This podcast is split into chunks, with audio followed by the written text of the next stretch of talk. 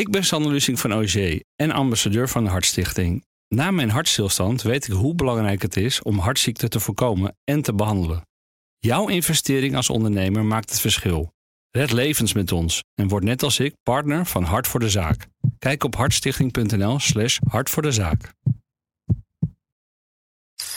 Economenpanel. Moet de ECB nog gerichter gaan sturen op duurzaamheid als het de handen al vol heeft aan die hoge inflatie? En de wereldeconomie koerst af op een zachte landing. Tenminste, daar gaat het Internationaal Monetair Fonds vanuit. Is het voorbarig, ja of nee? Dat hoor je in het Economenpanel met uh, Menno Middeldorp, hoofd van Rabo Research... en Roelof Sanemons als hoogleraar verbonden aan de Rijksuniversiteit van Groningen. Heren, welkom.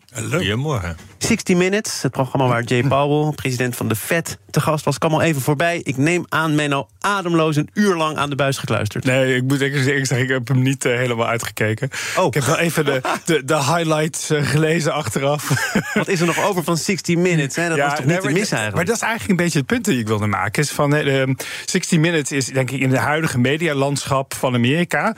Um, die helemaal versplinterd is... en waar mensen gewoon vooral kijken naar Fox News... als ze Trump willen stemmen en andere media, de, de gevestigde media...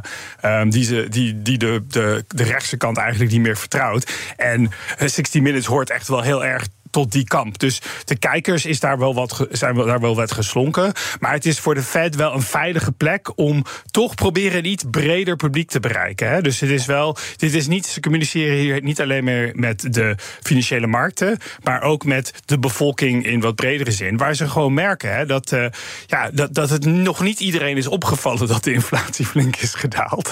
en dat is wel belangrijk als centrale bank. Want je kan de hele, de hele tijd praten met de financiële markten en de, en de financiële pers. Maar uiteindelijk wordt de inflatie wordt gemaakt in de economie door de gewone mensen. Dus die, die, die moeten erin geloven. En uh, dan, helpt, dan is het wel belangrijk om die brede publiek te bereiken. En dat vindt de Fed heeft de Fed altijd heel moeilijk gevonden. Um, en hebben ze altijd een beetje te veel vertrouwd op zeg maar, de, de media om daar de filter te zijn. Maar ja, de media is tegenwoordig echt geen goede filter. Want mensen zijn niet bezig met de werkelijkheid, maar met de werkelijkheid die ze zouden willen zien vanuit politieke invalshoek. En als je dan Fox News kijkt, ja, nou wel in Amerika zeker. um, uh, als je dan Fox News kijkt, dan krijg je gewoon te horen dat de inflatie veel te hoog is. De prijzen zijn flink gestegen, want Biden is een slechte je president. Je reageert alleen al op de blik van Rolof Salomons, dat belooft wat. nee, ik, ik, ik, denk alleen, het enige wat ik dacht was 60 minuten is wel heel lang als je de koppen wel van de krant wil halen. Nee, maar dat is het programma. Maar dat is niet niet de hele 60 minuten Jerome Powell, dat doet niemand Nee, ga, ga, ga, ga maar eens uitleggen aan, aan iemand dat uiteindelijk dat inflatie wel daalt, maar dat dingen nog steeds duurder worden. Ja, dat is best lastig. Nou, in een uurtje zou het je toch moeten lukken als je president dat, bent van de Fed. Nee, maar in plaats van dat prijzen met 10% stijgen, stijgen ze nu nog met uh, 3 à 4%. Maar de dingen worden nog steeds duurder. Dus ja, ja en zijn ook nog steeds duurder dan ze waren. En dat is een beetje wat die, die, ben, die benchmark die mensen in hun hoofd hebben, is ook moeilijk te, te beheersen. Hè? Dus mensen zeggen van hey, toen Biden de president werd, was de, waren de prijzen lager. Uh, en nu zijn ze hoger. Ik zie het Ah, in de niet supermarkt. goed. Niet goed. Ga niet goed, mensen. En dat, dat, dat ramt Fox News er voortdurend in. Dus dat, daar moet je ook wel weer ja, tegen aanvechten als je inflatieverwachtingen wil beheersen. Maar Powell bereikt zo een breder ander publiek. Heeft hij wel zo ongeveer hetzelfde gezegd? Ja, ik denk. Ja, hoewel de, de markten natuurlijk nog steeds een beetje hardleer zijn hier. Want ze, ze moesten het nog een keer horen voordat ze echt gaan geloven dat de, dat de Fed niet zomaar de rente gaat verlagen. Totdat ze echt zien dat de inflatie niet alleen lager is, maar ook wat langer lager is. Het is al de tweede keer hè, dat hij in één week tijd uh, Times? een boodschap uh, uitgeeft. Want de vorige keer was het van het gaat niet gebeuren in maart. Dat was ook een hele duidelijke boodschap. En nu dus nog een keer van jongens, jullie verwachten zes renteverlagingen. Het worden er drie. En, en er moest er ook nog een flinke payrolls overheen komen met hele sterke Afgelopen banencijfers. vrijdag was dat. Ja. Nou, niet te geloven eigenlijk, hè? Ja, nee, de- de- dit blijkt echt steeds heel moeilijk te zijn voor de markten om, om dit, dit, dit vast te houden. Maar de centrale bankiers die blijven het proberen. Dan, Roelof, jouw nieuws. Ja, mijn nieuws stond op de voorpagina van het Financieel Dagblad vandaag. Dat, eh, eh, ik denk dat mensen wel gelezen hebben dat rederijen waarschuwen van dat eh, ze eigenlijk bescherming op de boot moeten hebben. Want in de, je kan niet meer door de Rode Zee varen zonder dat je of dan wel beschoten of dan wel eh, eh, gekaapt wordt. Ehm, ja, maar voor mij laat dit ook weer duidelijk zien dat er wel aanbodproblemen in de economie zijn. En dat, nou, dat raakt een beetje de discussie die we net hadden over, eh, over inflatie. Ja, het is Ja. te vroeg om, eh, om zegen Maar dan moet je dus omvaren. En dat gebeurt volgens mij op grote schaal. Of je doet wat de VOC 9 deed, gewoon kanonnen op die schepen zetten. Ja, dat, daar, daar, daar, wordt, daar wordt om geroepen. Ehm, nou ja, dus of je moet gaan omvaren. Nou, dat kost je dus eh, 10 tot 15 dagen extra. Ehm, ja, of je moet gewoon meer gaan betalen. En dat zie je ook eigenlijk al gebeuren. Want containervrachten vanuit Shanghai naar, uh, naar Rotterdam... die zijn al een stuk duurder geworden. Ja, de vraag alleen is wie gaat die straks voor betalen. Ja, uh, als je beveiliging op een, op een boot gaat zetten... dan is het de belastingbetaler en dus de consument. En als je de schepen het zelf laat betalen, dan is het uiteindelijk ook de consument. Dus ja, linksom of rechtsom. Maar Roelof, we hadden het hier voorafgaand aan de uitzending even over... dus ik zal je er niet uh, onverwacht mee confronteren. Maar er zijn dus ook rekensommetjes waaruit blijkt dat je beter kunt omvaren... omdat je dan het vaargeld om door het Suezkanaal te varen bespaart. En dat dan die 9, 10 dagen extra alsnog een voordeeltje oplevert. Ja, nou, ik heb het sommetje niet gemaakt. Ik weet alleen wel, ik kom uit de scheepvaartfamilie... dus ik heb geen tijd gehad om alle familieleden even te bellen... hoeveel extra loonkosten dit met zich meebrengt... hoeveel extra brandstofkosten dit met zich meebrengt. Maar goed, het is... Ja, het is duidelijk. Toen er niet op ze geschoten werd, gingen ze wel door de Suezkanaal. Dus kennelijk was dat de voorkeur. Ja, ja. We gaan naar het internationaal Monetair Fonds. Dat heeft de groeiverwachting voor de wereldeconomie voor dit jaar naar boven bijgesteld. Liet het IMF afgelopen dinsdag weten in een prognose. De schade van de renteverhogingen valt mee en het IMF verwacht een zachte landing. Volgens mij, als je het er helemaal op naast laat, zeggen ze een zachtere landing dan eerder werd verwacht. Maar tot een wereldwijde recessie hoeft het dus niet te komen. 3% groei.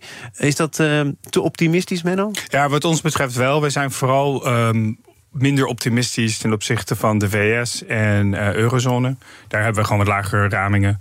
Um, ja, de IMF zit daar ook al zelfs iets boven de, de, de gemiddelde van, van economen. Dus dat is wel interessant. Het gebeurt zeker niet altijd met de IMF. Uh, waar ze wel een beetje. Er is ook wel veel gezegd van. Oh, ze hebben een positief beeld op China. Maar als ik dat dan vergelijk met de gemiddelde van, van economen die dat voorspellen. zit eigenlijk een beetje op de consensus. Dus uh, het, het, het, het doorsnee. Maar waar denk je dat het vandaan komt dat als je kijkt naar het gemiddelde. dat het IMF toch wat rooskleuriger naar de toekomst kijkt dan veel andere economen? Ja, eigenlijk zijn er een beetje twee kampen tegenwoordig. De kamp, en dan, dan heb ik het met name over de Amerikaanse economie. De kamp die zei. Die, vorig jaar was het, waren heel veel mensen die zeiden van. Nou, er komt een recessie aan. Ja, die, die komt dan dus dan niet. Nog niet. Uh, en dan kan je twee dingen doen. Je kan zeggen van, ah, hij komt alsnog. Uh, of je zegt van, uh, nou ja, ik geef het op, hij komt gewoon niet meer. Ja. En ik denk dat IMF is een beetje duidelijk in het kamp gekomen van, nou, dit komt niet meer. en wij zijn nog steeds in het kamp van, hé, hey, renteverhogingen hebben een vertragende werking op de economie. Dat duurt vaak eventjes. Maar werken die renteverhogingen nou eigenlijk nog wel? Want daar gaat het voortdurend over. Je wees zelf al op dat banenrapport van afgelopen vrijdag. Nou ja, daar valt niet tegen op te verhogen of te verlagen. Mm. Werkt het nog wel? Um, nou ja, je ziet, het, je ziet het wel in zeg maar de, um, de financial conditions, zoals dat heet. En je ziet het zeker in Europa, in de financial conditions, meer dan in Amerika. Ja, misschien, je zou een, een, eh, kunnen over kunnen nadenken van... hey, uh, wat is nou tegenwoordig de transmissiemechanisme in, van het monetair beleid? Hè, leuke term. Uh, uh, is economenpanel, mag Ja, is economenpanel, mag ik het gewoon doen. Um, en dan... Um, ja, in Amerika, waar je wat minder. de banken, de, zeg maar het centrum van het financiële systeem zijn, zijn, werkt het wat anders. Waar je het wel ziet in Amerika is natuurlijk het commerciële vastgoed. En daar zie je natuurlijk ook bij de kleinere banken uh, dat dat echt wel impact heeft. En die zullen dat ook wel laten merken in, hun, uh, in, in, in, hoe bereid ze zijn geld uit te lenen. Is het IMF uh, te optimistisch? Ook aan jou die vraag, Rolof? Ja, ik heb altijd als ik het IMF lees, denk ik van... Er zijn geweldig slimme economen, uh, maar je hebt eraan vooruitkijkend... heb je er niet zoveel aan. Het is echt goede analyse wat er gebeurd is en wat er gaat gebeuren. Maar de term soft landing, ik heb alle economenrapporten... van alle banken de afgelopen maanden gelezen... en er is één grote consensus, dat is het wordt een soft landing in de wereld. Nou, nu zegt de IMF dat ook... Nou, misschien mag je daar toch nog Consensus een vraag komt af en toe uit, hè? Maar... Die soft landing is toch, als je kijkt naar de geschiedenis... nog niet zo heel vaak voorgekomen. Eén keer. Eén keer. Ja, dus nou, dus als men daar nu uh, grosso modo allemaal gebeuren. Gaat, oh, gaat, niet gebeuren. gaat niet gebeuren. Nou, weet je wat, we vergeten al die rapporten. Roelof Salomon zegt hier... Nee, maar bedoel, de historie is eigenlijk tegen je. Want je, dit kan bijna niet. Je hebt zo'n heel smal geitenpaadje en daar moet je dus precies op blijven zitten. En je kan aan de ene kant eraf vallen. Dus wat Menno uh, zegt, van, nou, het kan dus slechtere groei worden. Of de andere kant, van weet je wat, die economie zwakt gewoon niet af. Zoals die banenmarktcijfers. Dan blijft die inflatie hoger, moet de centrale bank dus meer doen. Heb je ook geen, heb je ook geen zachte landen. Jij voorziet een comeback van de inflatie eigenlijk. Nou ja, ik had niet voor niets het nieuwsitem van deze week over, uh, uh, over de Houthi-rebellen dan nog even. Het linkje met inflatie. Je hoeft maar een hele kleine aanbodschok te hebben in een economie waar, er, waar echt alles. Je, je geen mensen vinden om te werken. Dus iedere aanbodschok is meteen, hoppakee, hogere inflatie. Ja, je hebt nog een andere variant, en dat is een beetje waar wij voor gaan. De inflatie blijft, la, blijft hoog door dit soort aanbodschokken. Waardoor de centrale banken hun, hun rente hoog moeten houden. Waardoor ze de groei dus toch alsnog een klap moeten geven. Dus dan krijg je en hoge inflatie en trage groei. Dus uh, dat, dat, dat is ook nog een manier waar het mis kan gaan. Ja. Het punt van is dus ook die allesbehalve zachte landing. Dat, dat zou dan echt dat zou dan niet een zachte landing zijn. nee. Het punt wat Menno terecht namelijk over de, de term financiële transmissie mag hè, in deze.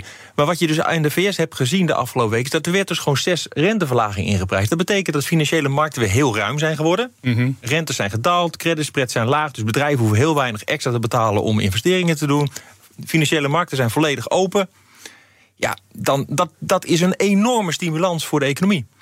Dus ik denk dat daarom ook Powell aan het terugduwen is van... jongens, wacht even, we gaan echt niet zes keer verlagen. Reken op drie keer en als de inflatie langer hoog blijft... dan wordt het minder dan drie keer Het duurt al een tijdje terug, maar het enthousiasme neemt niet bepaald af. Nou ja, ik denk dat de boodschap nu de afgelopen week twee keer is van... jongens, eh, eh, dimmen.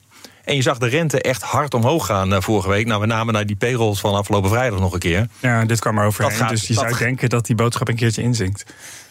Dit gaat over de wereldeconomie. China werd er al even uitgelicht. Eh, nou, daar is het IMF niet enthousiast over, maar er zijn Wow. aanzienlijk veel mensen eh, ja, negatiever over. Ja, ik vond ze heel doorsnee eigenlijk. Daar hadden we het net Daarom, over. daarom. Eh, de Russische economie, ja, misschien op wereldniveau niet meer een hele belangrijke speler, maar toch een groei wordt voorzien door het IMF van 2,5 procent, vooral militaire uitgaven. Maar geeft het ook te denken over het nut van sancties, of is dat te voorbarig?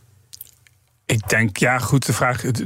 Die discussie is wel heel oud. Van wie raak je nou eigenlijk met sancties en hoe hard, hoe hard werkt het? Ik denk dat de, de, de totale economische groei niet echt de, de maatstaf is die je moet gebruiken of, of sancties goed werken. Eigenlijk echt goede gerichte sancties zouden zijn van de mensen die het te beslissen hebben, die hebben er last van.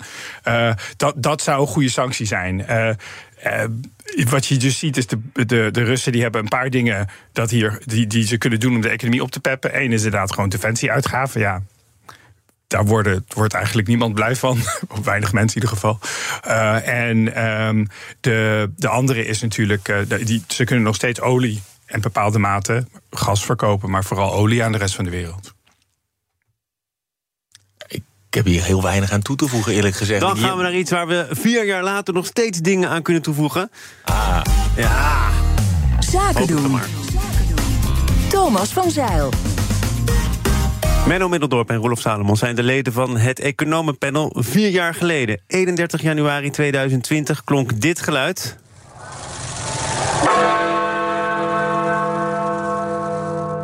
Dat mogen we een Brexit-gong noemen. Blijkt dat achteraf toch vooral een onheilspellend geluid, Roelof? take back control was het. Jongen, jongen, wat zullen de Engelsen echt denken van... hadden we dit, hadden we nou niet beter slimmer moeten zijn. Maar uiteindelijk laat dit gewoon duidelijk zien dat je... Dit, dit hadden ze niet moeten doen. Ze willen graag terug. Het heeft ze 4 tot 5 procent economische groei gekost. Eh, als je nu dezelfde referendum zou houden, zouden, de- zouden ze allemaal zeggen van gaan we niet aan beginnen. Dus ik denk dat het de wijze les is eh, om meteen een bruggetje te maken.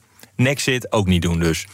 Eh, Had eh, het economenpanel eh, bij de Britten vier jaar geleden gewoon op eh, repeat moeten staan? Want we hebben daar toen ook op deze plek heel veel over gesproken. En er was eigenlijk, Ik denk, denk- ik, maar met pijn en moeite misschien. Ik denk, dat je weinig, ik denk dat je weinig economen toen had kunnen vinden die het een goed idee vonden. Zelfs zelfs in Groot-Brittannië. hè. Dus dat is, het is niet zo dat, dat, eh, de, dat het, de economen in Groot-Brittannië dat wel dachten dat het een goed idee waren. Dus er- er- er waren een paar natuurlijk. Eh, maar die zijn, waren ook dan wel vaak politiek aligned met, eh, met de Brexiteers. Kun je, Roelof zei het net, 4, 5 procent groei.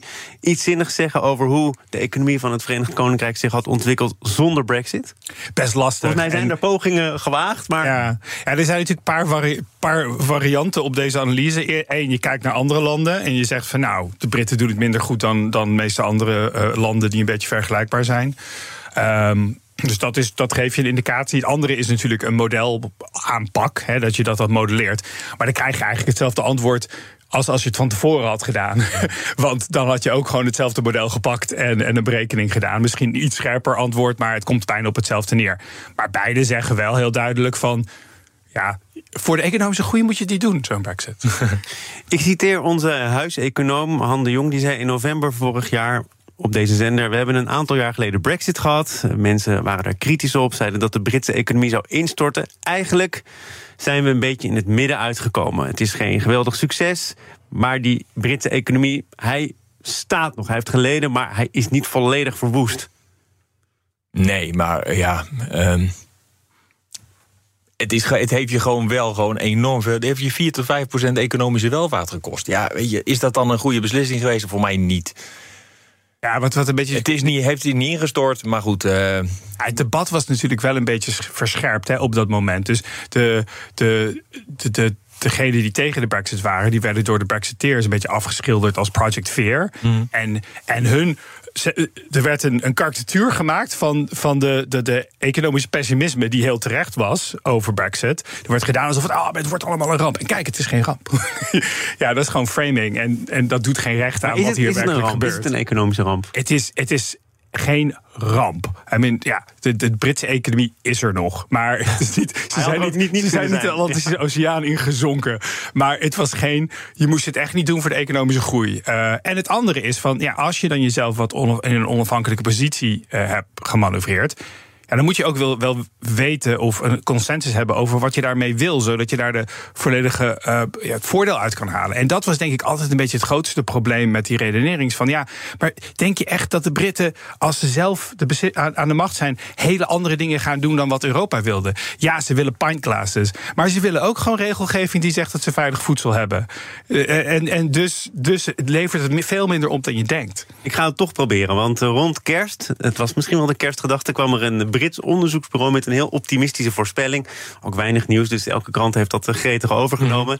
Mhm. Uh, met uh, deze tekst. Het Verenigd Koninkrijk wordt de komende 15 jaar de best presterende grote economie van Europa. Beter dan Duitsland, Frankrijk, Spanje en Italië. Verklaringen. Uh, de blijvende status van Londen als knooppunt voor financiële en adviesdiensten. Samen met de Eens. bredere kracht van de dienstensector in het Verenigd Koninkrijk. Het zal de Britse groei stimuleren. Bovendien misschien was dit ook een politiek gekleurd onderzoeksbureau. De effecten van Brexit worden gemakkelijk overdreven en niet goed onderzocht. Nou, ik zei net al eens, ik denk wel, je, Londen is nog steeds gewoon het financiële centrum van Europa. En uh, Parijs heeft het geprobeerd. Amsterdam heeft de, de kans niet gegrepen. Er zijn een paar mensen naar Frankfurt gegaan. Maar als je het, en iedereen vraagt, talent wil gewoon richting, richting Londen. Nog steeds? Parijs is, ja, ja al mijn studenten zeggen allemaal hetzelfde. Die als ze naar naartoe willen, je wil niet naar Frankfurt, dat is te saai. Je wil niet naar Parijs, daar kun je leuk eten. Maar voor de rest is het ook niet zo. Dus je wil naar maar dit wil niet zeggen dat er geen schade is geweest aan Natuurlijk. die... Het is natuurlijk wel wat afbrokkeling geweest. Maar de, de, het, het, de, de, de toren staat nog, zeg maar. Ja, dus je bent gewoon heel erg afhankelijk van. Het is een, voor mij is het hetzelfde krantartikel had ook over... ze willen gewoon het Singapore aan de Theems worden. Ja, dat, dat kan wel, want de rest van Europa wil het niet. Maar dan moet je het wel willen. En, en daar is ook nog geen. En ik zie ook Labour niet, die straks aan de macht is, eh, dat dat model uitvoeren. Dus, dus er waren altijd een groepje Brexiteers die zeiden van. We willen dus een soort hele vrije staat worden. En, en we gaan inderdaad zo Singapore worden. Maar dat, dat, dat was nooit de consensus. En een heleboel mensen die hebben niet gestemd voor Brexit voor die reden. Het ging voor hun veel meer over immigratie. Wat een beetje het omgekeerde is van, van vrijheid, van kapitaal, uh-huh. goederen en mensen. Wat, wat Singapore veel meer behelst natuurlijk. Roelof, uh, jij wil deze gelegenheid ook aangrijpen om te pleiten tegen een nexit. Uh, misschien is dat ook wel nodig, omdat er uh, steeds meer mensen daar toch nog wel. Nou, ik heb één goede, één goede hoop. Alles ik de afgelopen weken alles zie wat de PVV riep voor de verkiezingen. en dat ze alles daarna in de ijskast zetten. heb ik ook het idee dat de Nexit nog wel in de ijskast uh, terechtkomt. Dus ik maak me er iets minder zorgen over. Ehm, maar goed, het laat, de Brexit-ervaring laat wel gewoon zien dat je gewoon af en toe best van een economen mag luisteren. Nou, je, je, je, kunt toch ook economen vinden die hier voorstander van zijn. Het FD is het gelukt om een Brexit-voorstander te vinden, een econoom. En die zei: Ja, we hebben wel handelsdeals kunnen sluiten als Verenigd Koninkrijk. Met Nieuw-Zeeland, met Australië. En we zijn goed op weg met India. Die waren iets beter dan wat ze hadden. Is dat, ja, dus dat is armoedroef. Of is het iets meer dan dat? Dat je kunt wijzen op handelsdeals die je bilateraal kunt sluiten. Ja, je bent minder krachtig als, als dan de EU, hè? Als, als je in de onderhandelingen ingaat. En, en hier ook was ook het probleem. Het is nu het lijkt af te ketsen met Canada. En dat kwam ook omdat de, de, Britten, de Britse boeren zoiets hadden van ja, maar ja, wij willen niet zeg maar. Ehm, eh, benadeeld worden zoals we dat werden in die deal met Australië en Nieuw-Zeeland. Dus laat ons dat alsjeblieft niet gebeuren met Canada. Dus de vraag is, willen ze het echt? Willen ze echt die Singapore aan de Theems zijn of in de Noordzee? Nou, ik zou wel één ding zeggen van, als je in de grootste open markt aan de andere kant van het kanaal, dus Europa, is gewoon een enorme. De voordelen van de interne markt in Europa, denk ik dat we echt nog wel een paar keer mogen benadrukken. Ook onder economen in Nederland en onder economen in. Wij hebben echt zoveel voordelen van die interne markt gehad. Het is wat dat betreft geweldig. Voor vandaag heb je het gedaan. Er komt vast een andere keer. Maar nu, economenpanel is de gast. Menno Middeldorp, hoofd van Rabo Research... en Roelof Salomons als hoogleraar verbonden aan de Rijksuniversiteit Groningen. De ECB doet onderzoek naar hoe klimaatveranderingen meegenomen kunnen worden... bij de macro-economische modellen die aan de basis liggen van het rentebeleid. Dat liet ECB-bestuurslid Frank Elderson afgelopen dinsdag weten... bij de presentatie van het nieuwe klimaat- en natuurplan van de ECB. Menno, allereerst die modellen van de ECB, daar is het heel veel over gegaan. Kloppen die een beetje? Kunnen ze bijvoorbeeld iets zeggen over de inflatie? Is het eh, ambitieus om nu te zeggen, nou, klimaatverandering moeten we toch ook op een andere, betere manier meenemen? Kan dat überhaupt?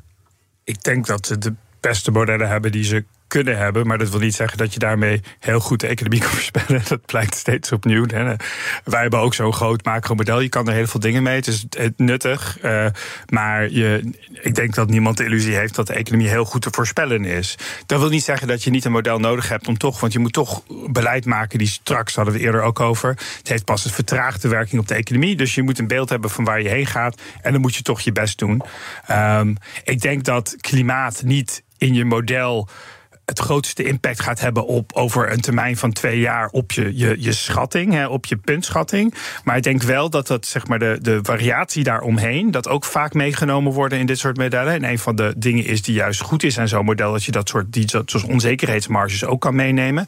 Ja, die wordt dan breder, denk ik, als je klimaat goed meeneemt. Want ja, we, we, weten allemaal dat klimaatverandering ook met zich meebrengt dat er zo kan zomaar een enorm natte winter zijn met gevolgen voor bijvoorbeeld. Of een hele hete zomer met ook weer andere gevolgen. Dus dat, dat, dat, dat betekent meer volatiele inflatie, vooral vanuit de voedselkant. Vorig jaar becijferde de ECB dat klimaatverandering de komende 10 jaar goed zou kunnen zijn voor een stijging van 1 procentpunt. Betreft de inflatie dus, omdat voedsel bijvoorbeeld veel duurder kan worden. En dan kom je toch alweer bij de taken van de ECB terecht, namelijk prijsstabiliteit.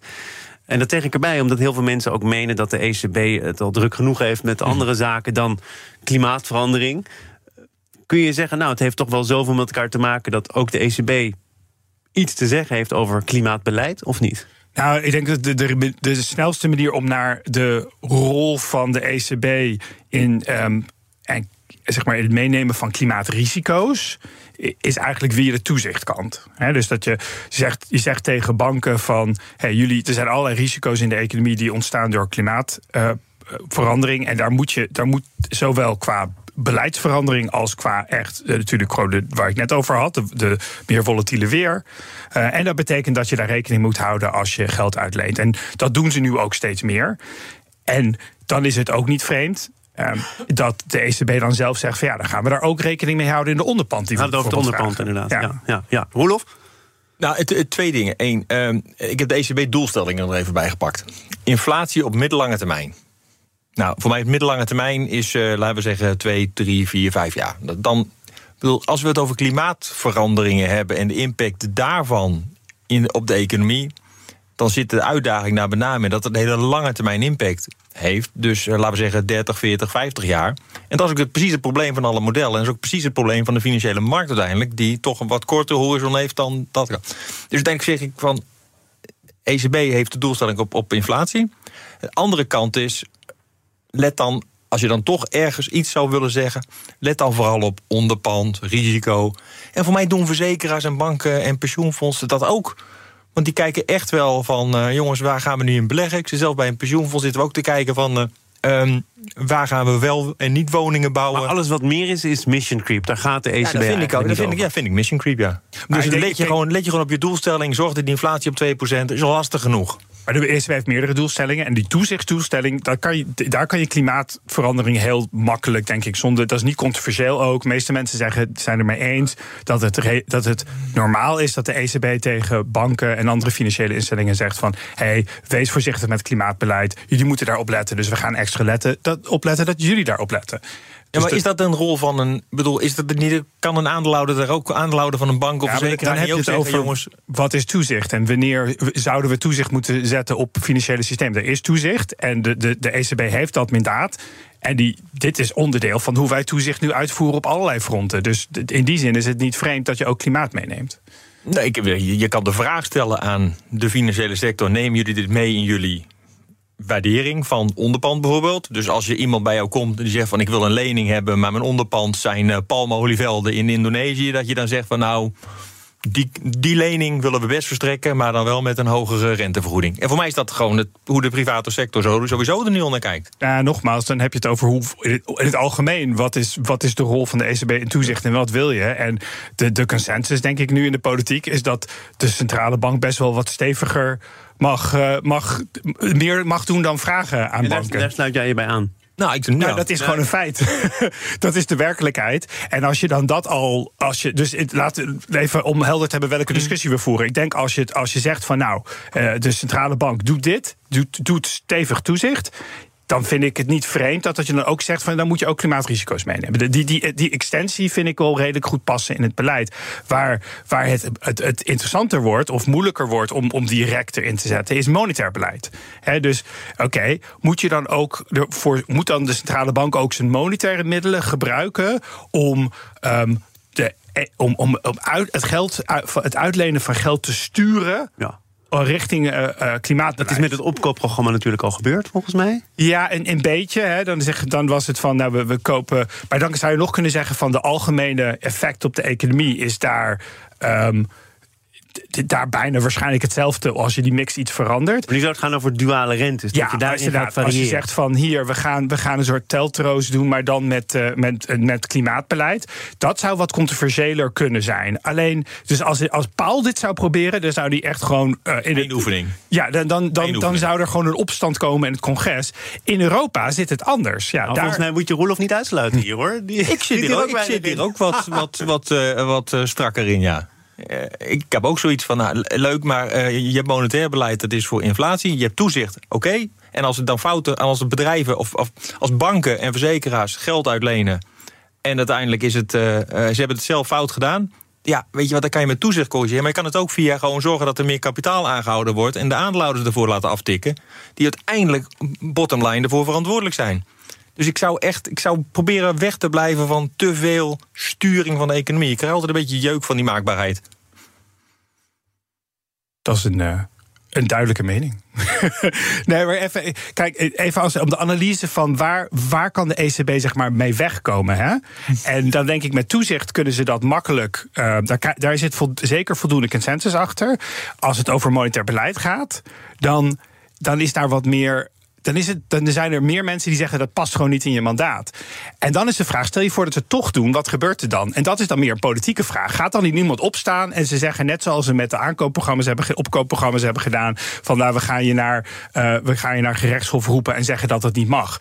Dat weet ik dus niet, omdat in Europa is de consensus op klimaat dusdanig dat er weinig mensen in opstand komen Welke als de ECB dit doet. Nog, als je kijkt naar wat er op dit moment toch uh, goed scoort bij verkiezingen, als je kijkt naar wat er nog overblijft van de Green Deal. Uh, volgens mij morgen plannen van de Europese Commissie om de CO2-reductie in 2040 met 90% terug te dringen ten opzichte van 1990. Zijn er ook heel veel mensen die zeggen, nou dat kost dan uh, 1500 miljard. Is het dat wel waard? Wat blijft er nog over van dat unisono geluid dat, dat Europa zo ontzettend hard moet vergroenen? Ja, nee, je hebt gelijk. Dus met het huidige Europese parlement zullen ze waarschijnlijk dat oké vinden, de meeste mensen. Of er is geen, geen, geen meerderheid om, om de, ECB hier echt op te challengen, denk ik. Maar dat zou zomaar kunnen veranderen na de verkiezingen. Want je ziet inderdaad dat de, de meer rechtse vleugel van het Europese politiek daar meer issues mee heeft en, en in opkomst is. Ik, ik ga je geen politieke kleur aan geven, maar ik zeg als ik, als ik een bank, dan kan ik kiezen tussen Triodos en alle andere banken. Als ik, een, als ik groen wil of, uh, of meer, nou ja, lichtgroen. uh, bruin is er bijna niet, laten we zo zeggen bij verzekeraars heb je die keuze beperkt. Maar centrale bank is er voor iedereen uiteindelijk. Dus ik zou zeggen, van die moet geen politieke kleur. Hetzelfde discussie met pensioenfondsen die keuzes gaan maken voor hun deelnemers.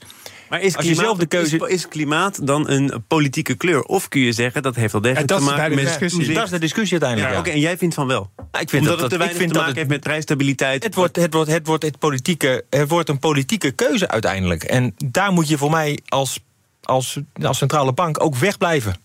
Ja, het is, Moet je wegblijven. Je, je, maakt jezelf kwetsbaar. Hè? Als je, want dit is een. Dit is, ik, ik, ik denk niet dat als je, als je het mandaat heel letterlijk leest. dat dit er makkelijk in past. Dus dan moet je dus een interpretatieslag eroverheen gaan doen. en dan rek je het mandaat een beetje op. En de vraag is dan wordt het een beetje de vraag: kom je daarmee weg als centrale bank? En wil je jezelf blootstellen aan die politieke discussie? Dus nogmaals, de Fed daar is geen, geen sprake van. Want dan wordt gewoon de, de, de Federal Reserve Act opengebroken. Want dan heb je een meerderheid van een Congress nodig om dat voor te doen.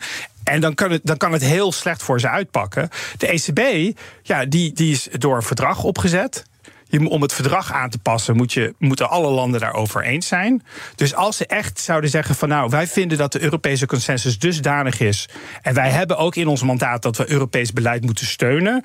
Als het geen nadelige gevolgen heeft voor, voor de inflatie. Dan zouden ze dus een, een verhaal kunnen verzinnen waar ze dit dus kunnen rechtvaardigen. En ik denk dat ze daar uiteindelijk in Europa, gezien de, de, de verdrag en de politieke gemiddelde, dat ze daar toch mee wegkomen. Maar zelfs oprekken heeft een grens. Dus ik ga jullie bedanken. Menno Middeldorp van de Rabo Research en Roelof Salomons van de Rijksuniversiteit Groningen. Tot de volgende keer. Dit panel is trouwens ook te luisteren als podcast. Dus abonneer je via je favoriete kanaal of de BNR-app. Ongevraagd advies. Werkgevers in Noord-Brabant en Zeeland maken zich zorgen over de vijandige toon van het debat over migratie. Volgens de bedrijven valt alles stil zonder internationale arbeidskrachten. Ze zullen moeten verkassen of zelfs stoppen. Het is tijd voor advies, ongevraagd advies zelfs aan de formerende partijen. Dat komt van Annemieke Robeek, commissaris bij onder andere Eneco en Randstad Nederland. En hoogleraar strategie en transformatiemanagement aan de Nijrode Business Universiteit. En alsof dat nog niet genoeg is, ook lid van ons boardroompanel. Annemiek, goedemorgen. Hi, goedemorgen Thomas. Hoi. Die, die ondernemers, laten we daar maar eens mee beginnen. Die zeggen wij schrikken van hoe er op dit moment wordt gesproken over migratie en met name het anti-geluid. Wat willen zij dan? Ja, ik denk ook dat zij. Uh, ik, vind, ah, ik vind het heel erg goed. Uh, dat zij hun eigen geluid laten horen en dat zij ook tegen dat populistische geluid ingaan. Um, en wat zij zeggen is van. Uh, um, regering, maak keuzes. Dus kom nou eens een keer met een echt lange termijn beleid. Uh, want er zijn tenslotte al genoeg uh, studies geweest. Denk aan de uitstekende studie van Denkwerk um, uh, vorig jaar zomer. Of daarvoor nog de commissie Roemer. Of onlangs de staatscommissie Demografische Ontwikkeling. Eigenlijk hebben we alle data hebben we wel op een rijtje staan. En we weten dus wat de facts en figures zijn. Uh, maar er is door het beleid geen keuze gemaakt. En daardoor hebben we inderdaad in, bij de migratie zien we dat er ontzettend veel mensen tegen extreem lage lonen binnengehaald worden. Uh, maar dat we daarnaast um, ook uh, de kenniswerkers hebben. En daar gaat het dan weer om de expats met de 30%-regeling. En wat deze werkgevers zeggen van. Wees nou eens een keer duidelijk. Wij hebben gewoon vakkrachten nodig, met name technische vakkrachten of echt vakmensen in de zorg. En laat die selectief binnen. Um, en uh, ja, dat is natuurlijk juist ook voor de formerende partijen uh, misschien een lastige boodschap, want die willen nooit kiezen. He, ze zijn en voor uh, um, um, de instroom van goedkope uh, krachten uh, in de landbouw, in de agri, in de tuinbouw. Um, maar ze zijn natuurlijk ook eigenlijk tegen migratie aan zich. Maar wat kunnen werkgevers is... zelf doen? Want ze praten hier namens de ja. afdelingen van VNO-NCW in Zuid-Nederland. Partijen die geen keuze willen maken of die wat ambivalenter tegenover arbeidsmigratie staan, zullen op bijvoorbeeld wijzen op de problemen op de huizenmarkt. Hè. Mensen moeten dan ook Zeker. ergens kunnen wonen. En als het kan, een ja. beetje fatsoenlijk. Uh, zou de nou verantwoordelijkheid ja, daarvoor dan iets meer moeten liggen bij die werkgevers zelf? Absoluut. Ja, dat vind ik wel. Ik vind ook dat juist, uh, kijk, werkgevers kunnen niet alleen maar um, om. Een hoogwaardige uh, arbeidsmigranten vragen. En dan weer de maatschappelijke last. En dat is met name um, uh, huizen. Ik ben Sander Lussing van OG en ambassadeur van de Hartstichting. Na mijn hartstilstand weet ik hoe belangrijk het is om hartziekten te voorkomen en te behandelen. Jouw investering als ondernemer maakt het verschil. Red levens met ons en word net als ik partner van Hart voor de Zaak. Kijk op hartstichting.nl/slash hart voor de zaak.